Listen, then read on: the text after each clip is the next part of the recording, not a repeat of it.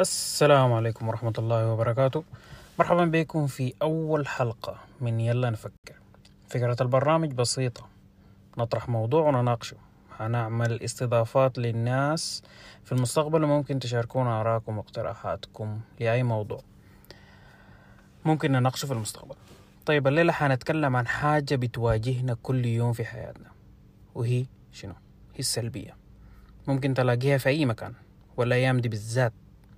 وحنشوف العناصر السلبية الرئيسية وهم أربع عناصر. حنشوف كل واحدة فيهم ونقعد نتكلم فيها شوية. وعشان دي أول حلقة حنحاول بقدر الإمكان ما نطول على الناس شديد.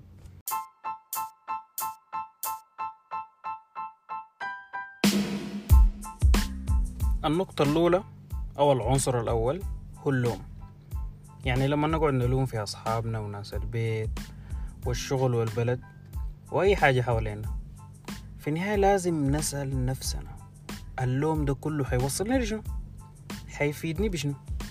أقعد مع نفسك وفكر شوية حصيبها صح في النهاية ممكن نقعد نلوم الدنيا وما فيها وما حنصل لأي حاجة فخلينا من اللوم في مقولة بتقول قد يخفق المرء في أحيان كثيرة لكنه لا يعتبر فاشلا حتى يبدأ بإلقاء اللوم على الآخرين.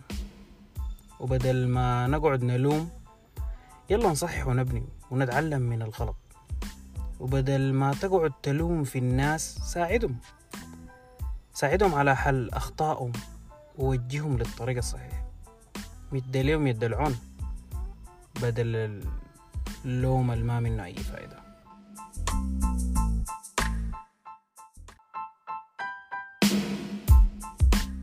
طيب يلا نمشي لنمرة اتنين. وهي شنو؟ هي المقارنة. النفس البشرية دايما بتميل أنها تقارن نفسها بباقي الناس. ليه أنا ما عندي التلفون اللي عنده ده؟ ليه أنا ما عندي قروش زي الزول ده؟ ليه أنا ما بقدر أسوي الحاجات الناس دي بتعملها؟ وليه وليه وليه وليه؟ لما نقارن نفسنا ببقية خلق الله ما حنصل لأي حاجة مفيدة. بالعكس ده بيولد الحسد في نفوس الناس والكراهية. ممكن تقارن نفسك بالناس الناجحة والمتفوقة عشان تطور نفسك. وده ممكن يؤدي للنجاح لكن لما تقارن وتكسر نفسك وطموحاتك فده بيؤدي لحاجة واحدة وهي هلاكك وبس. ودايما عليك أن تسأل نفسك شنو الطريقة اللي ممكن أنا أحسن بيها نفسي؟ ووضعي المعيشي دون مقارنة وحسد. عاين حواليك وتعلم من الناس الناجحة.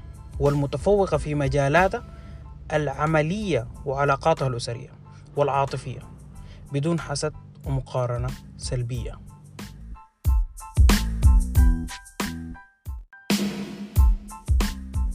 يلا نمشي لنمرة ثلاثة. العيش في الماضي. دي أكتر حاجة ممكن تأثر علينا وعلى مستقبلنا وعلى حاضرنا كمان. آه لأنه العيش في الماضي أو التفكير الكثير في الماضي ما حيغير حاجة من الحاضر لكن ممكن يغير حاجة في المستقبل كيف ممكن أغير حاجة في المستقبل؟ ممكن أغير حاجة في المستقبل لو أنا استفدت من الأخطاء اللي أنا ارتكبتها زمان في الماضي وحاولت أتفاداها في المستقبل وممكن أثر على المستقبل بطريقة تانية كيف؟ لأنه أنا قاعد أفكر في الماضي وعايش في الماضي وما قادر أخطط للمستقبل في مقولة كده أنا يعني أكتر مقولة مزعجاني في العالم. يا man البلد دي زمان كانت بخير لكن هسه خلاص انتهت. دي أكتر مقولة فاشلة في الحياة. وأنت عارف للأسف ما في time machine عشان نحن نشيلك ونوديك للماضي ونقفلك هناك ف ما في داعي أقعد عاين للماضي وأفكر أكتر من اللازم وأتحسر على الفاضي. خلينا نتعلم من الماضي عشان ما نكرره في المستقبل. ما نكرر نفس الأخطاء اللي ارتكبناها زمان. نحن ليه درسونا التاريخ في المدارس زمان؟ عشان نعرف الحصل شنو زمان ونكون فخورين بماضينا ونتعلم منه ونستفيد لمستقبلنا.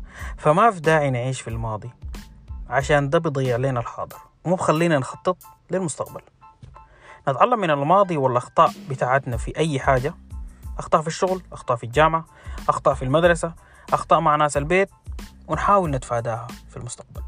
ونخطط بطريقة سليمة للمستقبل.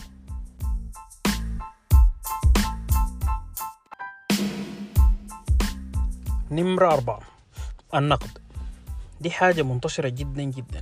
الواحد قاعد وشغال ينتقد في خلق الله شغالة بلا شغالة يلا في نوعين من النقد في نقد سلبي ونقد إيجابي بناء لما نجي ننتقد حاجة أو تصرف أو شخص نحن بننتقد ليه؟ ده السؤال المفروض نطرحه بننتقد من أجل الانتقاد وبس ولا عشان نطور الشخص اللي قدامنا ده. بعدين ما عشان أنت بتقعد تنظر في حاجة وتتفلسف فيها معناها أنت الأول فيها وأنت أحسن منه. لما ننتقد بطريقة سلبية نحن بنهدم في إنسان. ممكن نحطمه تماما. في النهاية أنت ما عارف الحاصل شنو في حياته. ممكن يكون بمر بظروف صعبة جدا وجاء تعليقك الوهمي ده كان الخاتمة والمدمرة لأي حاجة في حياته. نحن دائما بننتقد بدون ما يكون عندنا حاجة إيجابية نقدمها. الكلمات ممكن تكون مدمرة لشخص. فخلينا نفكر شوية قبل ما ننتقد حاجة أو إنسان.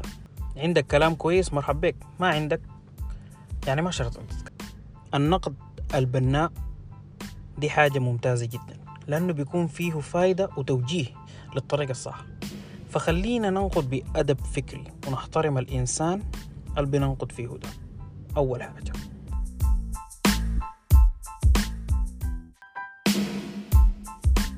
طيب آخر نقطة أو عنصر. دي ما محتاجة كلام كتير لأنه كلنا عارفين الناس اللي بتتكلم عن نفسهم كتير ده ظاهرة الأنا. إذا أردت أن يسخر منك الآخرون وأن يتحاشوا الحديث معك ما عليك سوى الحديث عن نفسك. دكتور إبراهيم الفقهي. فأنا أعتقد أن المقولة دي كفاية جدا للظاهرة الأخيرة دي.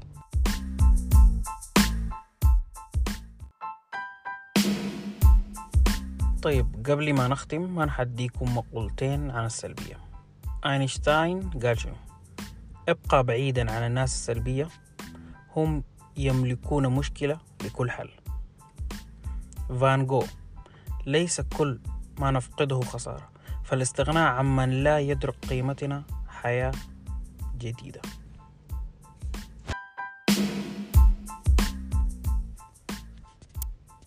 في النهاية حاب أشكركم على متابعتكم لأول حلقة معانا.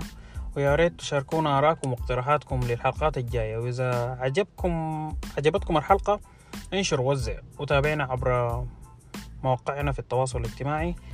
على التويتر حاليا يلا نفكر. وإن شاء الله نشوفكم بخير وسلامة في الحلقة الجاية من يلا نفكر. مع السلامة.